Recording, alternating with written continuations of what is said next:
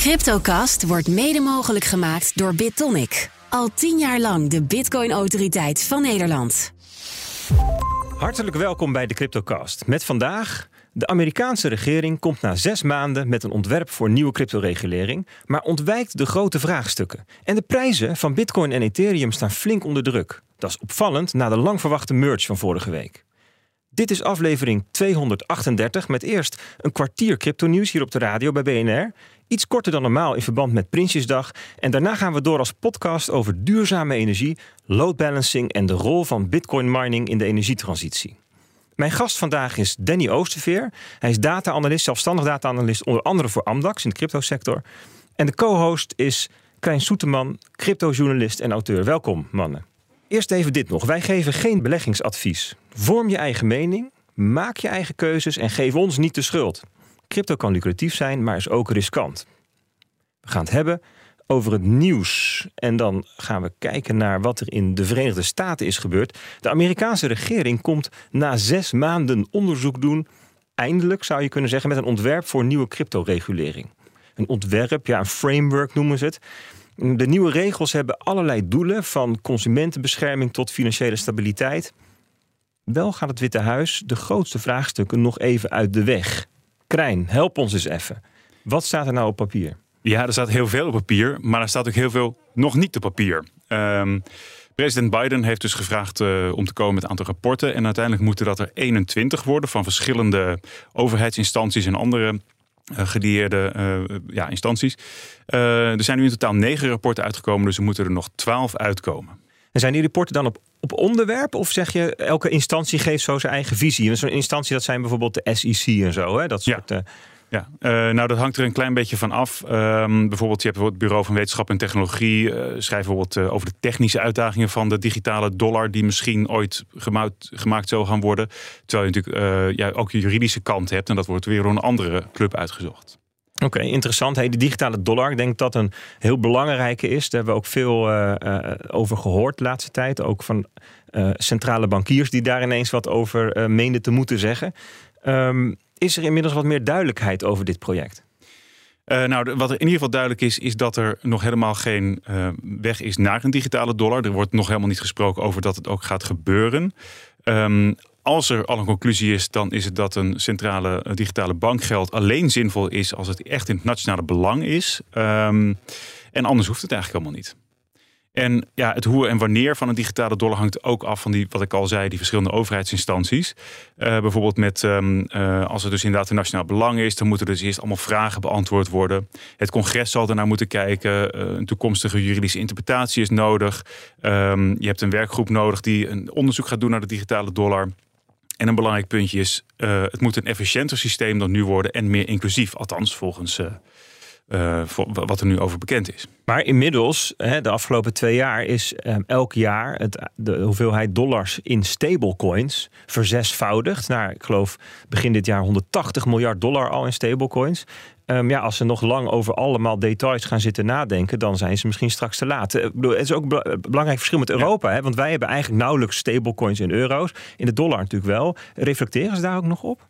Um, niet heel erg, want dat, de, de hele DeFi-sector wordt, uh, wordt in een volgende, uh, volgende rapport in oktober pas echt helemaal besproken.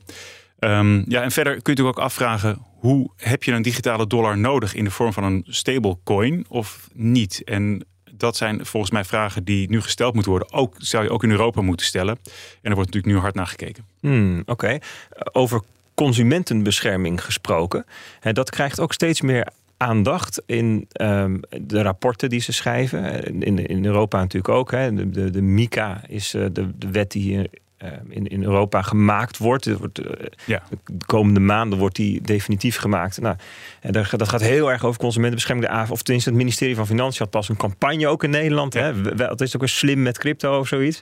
Um, en, en in Amerika komen ze daar dus ook nu um, met gedachten daarover. Ja. ja, consumentenbescherming, dat zit natuurlijk. Dat, moet, uh, men vindt overigens in Amerika dat daar een, veel te weinig aandacht aan besteed wordt door de instanties die daar aandacht aan zouden moeten besteden. Uh, zoals de Consumer Financial Protection Bureau en de Federal Trade Commission. Ehm, maar dat is echt iets voor, voor de nabije toekomst, als dus NFT's en andere DeFi-dingen allemaal behandeld moeten gaan worden. Ehm, ja, het is natuurlijk altijd wel als je even terug gaat naar waar het allemaal vandaan komt. Uh, als je een MetaMask wallet installeert op je computer, bij wijze van spreken. dan zul je toch echt nog steeds wel goed moeten uitkijken. of je niet in, in bepaalde scams trapt. En dat is. Ja, het is alleen soms de vraag: moet dat overheidsregulering zijn? Waar moet die regulering vandaan komen? En dat moet ook allemaal onderzocht worden. En er moet nog een antwoord op komen. Ja, ja overigens, wat je zegt, DeFi en NFT's, dat zijn ook precies de twee dingen die ook in Europa eh, nog maar de vraag zijn in welke mate ze onder de mica gaan vallen. Omdat het ook gewoon heel moeilijk is. Het is ook heel moeilijk om iets wat decentraal is, uh, om daar dan regels voor te maken. Je, je maakt uh, overmorgen een andere token, coin of verzin het maar. Precies, ja. Hoe, hoe is het eigenlijk met die uh, MICA-wet in Europa? Weet je dat? Um, ja, dat, die wordt in principe ingevoerd, definitief ingevoerd in 2024. Um, ehm, de definitieve tekst volgt in principe volgende maand. Maar we moeten nog even wachten op de, ja, op de details. Um, het is wel duidelijk dat er voor crypto-aanbieders heel veel gaat veranderen. Uh, een van de dingen is dat er waarschijnlijk veel meer data verzameld moet gaan worden. En niet alleen on-chain data, dus wat je kunt zien op de blockchain van bijvoorbeeld Bitcoin of Ethereum.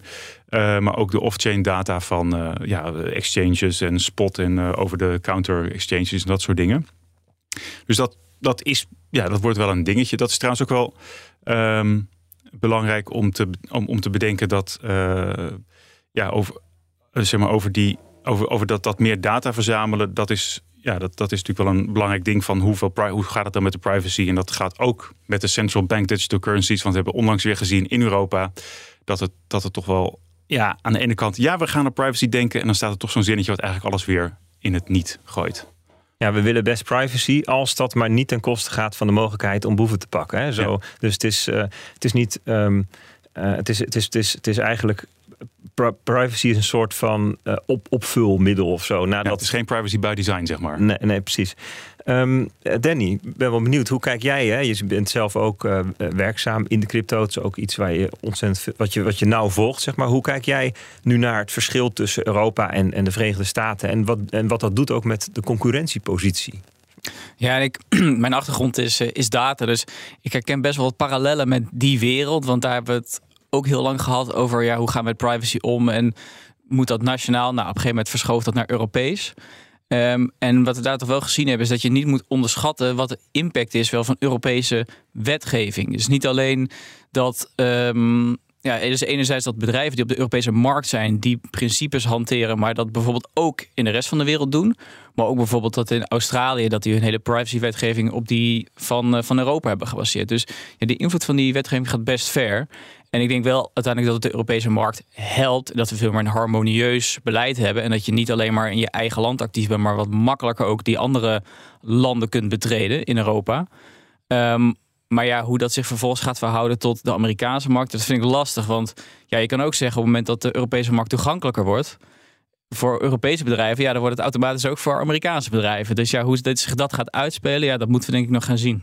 En, volgens mij blijft er nog een hele belangrijke vraag liggen van um, wanneer is het een token en wanneer is het een security? Of wanneer, en dat is de vraag waar eigenlijk in Amerika op gewacht wordt. Als daar nog geen antwoord op is, kunnen al die bedrijven op dit moment nog niet zoveel. Dus in Amerika. In Amerika, sorry. Ik ja, ja, even terug naar, ja, eh, precies. naar de rapport. Ja, dus dat zou betekenen, daarmee zou je eigenlijk zeggen dat als er in Europa eerder helderheid is, dat dat meer um, um, mogelijkheid geeft om te ondernemen, hè, omdat het duidelijk is wat wel en niet mag. En in Amerika blijft er langer onzekerheid. Ja, maar ik denk dat zolang in Amerika daar geen, uh, geen duidelijkheid over is, dat het toch een beetje blijft hangen. Want ja, als je in Europa aan de slag gaat en er komt een andere conclusie in de Verenigde Staten over bepaalde specifieke tokens uit, ja, dan kan alles weer veranderen. Dus ik denk dat er niks gebeurt voordat het in deze twee werelddelen opgelost is. We gaan het volgen. We gaan eens eventjes door naar ehm, de prijzen. Want ja, ook daar is de afgelopen week een boel aan de hand. Um, niet alleen overigens bij uh, de crypto assets, maar ook in de andere financiële markten.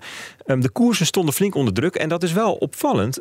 dat niet alleen maar de koers van Bitcoin en zo onder druk staat, maar ook Ethereum. Hè? Want die had vorige week de lang verwachte merge, die probleemloos is verlopen. Um, hoe, ja, daar eens even over hebben, Krijn. Die, die, die merge van vorige week. Wat, wat is ook weer het verschil? Wat is, wat is er gebeurd? Laten we, laten we daar eens mee beginnen. Nou, het allerbelangrijkste wat gebeurd is, is dat Ethereum gestopt is met het zogenaamde proof of work. En bij proof of work wordt eigenlijk energie zet je in om je uh, blokken aan de, sorry, aan de blockchain toe te voegen. In dit geval dus niet meer de Ethereum blockchain. bij Proof of Stake zet je als het ware Ehm, een deel van je vermogen in om mee te mogen doen om het volgende blok aan de blockchain toe te mogen voegen. En dat is natuurlijk heel belangrijk, want dat grootboek, dat digitale grootboek, moet natuurlijk blijven kloppen. Uh, en bij Proof of Stake heb je dus nou, een stuk minder energie nodig. En dat uh, vinden sommigen natuurlijk uh, prettig. Aan de andere kant is de grote vraag: hoe decentraal blijft het, je hele systeem? Want er is ontzettend veel extra code toegevoegd aan de, uh, aan de Ethereum-code. En hoe meer code is toch vaak ook weer een vraag goh, meer kans op bugs. En wat dat betreft zal het eerst een aantal jaar echt goed moeten draaien. voordat je kunt stellen of het allemaal echt gelukt is. En er komen natuurlijk ook nog best wel een hoop andere toevoegingen aan. Want op dit moment is de Ethereum blockchain niet sneller of goedkoper geworden. Uh, dat is wel het doel misschien in de, in de, wat verdere toekomst, maar daar zijn we ook nog niet. Dus er moet nog heel wat gebeuren in, die, uh, in dat ecosysteem. Dus je zegt, hè, dus enerzijds de merge, hè, dus dat is een, een heftige uh, technische verandering. Ja. Die is goed verlopen. Hè, dat Ja. zou je kunnen zien als positief. Tegelijkertijd heeft het heel concreet nog weinig voordelen. Hè. Ik bedoel, de, de, de echte dingen als schaalbaarheid, dat moet allemaal nog komen. Ja. En er zijn ook nog risico's voor de toekomst.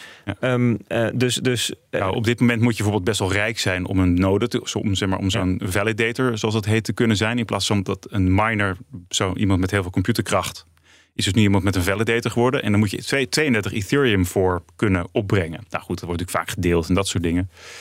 Er zijn een hoop vragen voor de toekomst. Maar is dat ook jouw verklaring waardoor eh, van, van dat die koers eigenlijk daalde in plaats van steeg of dat er niks gebeurde? Hoe, Over koersen vind ik dat heel, dat, dat hou ik me altijd heel verre van, dat weet je. Oké, ja, het, is, het, is een, het was natuurlijk een lang verwachte gebeurtenis waar veel mensen naar uitkeken. Hè? Dus, dus eh, de, dat betreft eh, opvallend dat die, die koersen dan, dan toch dalen. Volgens mij is dat, staat dat een beetje los van elkaar. Want ik denk dat dit goed gegaan is en dat we nu gewoon gaan kijken hoe het Ethereum-ecosysteem zich gaat ontwikkelen. En ja, Dus de koersen van vandaag zijn, is het, is het ruis en het signaal is dat er een langetermijn ontwikkeling plaatsvindt. Hè? Dat is dan denk ik eh, een korte samenvatting. Ja, niet alleen de cryptomarkten staan onder druk, ehm, ook aandelen en goud hebben het zwaar. Financiële markten zijn namelijk in afwachting van een nieuw rentebesluit van de Amerikaanse Centrale Bank morgen, woensdag 21 september. En de vraag is dan eh, aan de Amerikaanse Centrale Bank, aan Jerome Powell. Hoe bezorgd ben je nou over die inflatie? En ga je de rente verhogen met de 75 basispunten die de markt verwacht, of misschien zelfs met 100 basispunten? En dat gaat heel veel impact hebben de komende week op, de, op, de, ja, op alle financiële markten en dus ook op crypto. Dus dat, Ja. dat is denk ik vooral waar we aan de koersenkant naar gaan kijken. Dat horen we woensdagavond. We gaan het nog heel even hebben, zo aan het einde van de eh CryptoCast op de radio, over het, over het podcastgedeelte. Danny, want daar ben jij voor aangeschoven. Ehm, over de energietransitie en de rol van Bitcoin. Ehm, en je hoort natuurlijk heel vaak mensen wel zeggen: joh, weet je, eh, eh, klimaatverandering en, en dat is een probleem. En Bitcoin, nou, ik wil niet zeggen veroorzaakt dat probleem, maar vergroot dat probleem of is onderdeel van het probleem. Er zijn ook mensen die zeggen dat Bitcoin misschien wel onderdeel zou kunnen zijn van de oplossing. Vertel daar eens wat over. Nee, ja, dat, dat, ja, dat klopt. Ik denk dat je het nog mild brengt. Eh, ik bedoel, met de enige regelmaat lees ik Bitcoin kookt de oceanen. Ehm, dat is één kant van het verhaal. Eh, maar de andere kant van het verhaal is dat eh, nou, die duurzame energietransitie brengt ook een hele hoop uitdagingen met zich mee. We hebben te veel broeikasgassen. Ehm, maar we hebben ook steeds meer onbalans op het net, omdat we steeds meer zon- en windenergie eh, hebben. Ehm, en ja, in de, in de podcast gaan we straks kijken van nou, in, in hoeverre is Bitcoin nu heeft een positieve of een negatieve bijdrage, of kan het misschien juist ook wel een positieve bijdrage hebben. Dus daar gaan we het straks over hebben. Oké, en wat voor soort manieren zou je een positieve bijdrage kunnen zien? Een heel kort, heel klein tipje van de heel klein tipje. Ja, om, het, eh, om het eenvoudig eh, uit te leggen is denk ik... Nou, op het moment dat... eh, nou, ik kijk op dit moment naar buiten. Het is vooral grijs. Maar op het moment dat eh, de zon eh, hoog aan de hemel staat... dan gaan al die zonnepaneeltjes bij mensen op het dak... die gaan heel hard werken. En die sturen heel veel stroom het net op. Ehm, alleen, ja, ondertussen is iedereen aan het werk... en gebruikt niemand die stroom. Eh, en eh, ja, zorgt dat voor heel veel onbalans op het net. Eh, en eh, ja, dat eh, is nu al erg. En ja, met alle zon en wind die erbij gaat komen, wordt het nog een veel grotere uitdaging. En ja, dat moeten we met z'n allen gaan oplossen. Cool, nou, daar gaan we het over hebben zometeen in de podcast. Ehm, tot zover de CryptoCast op BNR. Dank aan mijn gast Danny Oosterveer en co-host Krijn Soeterman. Wie meegaat, tot straks. En wie het hierbij laat, bedankt. En graag tot volgende week bij de CryptoCast op BNR. Cryptocast wordt mede mogelijk gemaakt door BitTonic. Al tien jaar lang de Bitcoin-autoriteit van Nederland.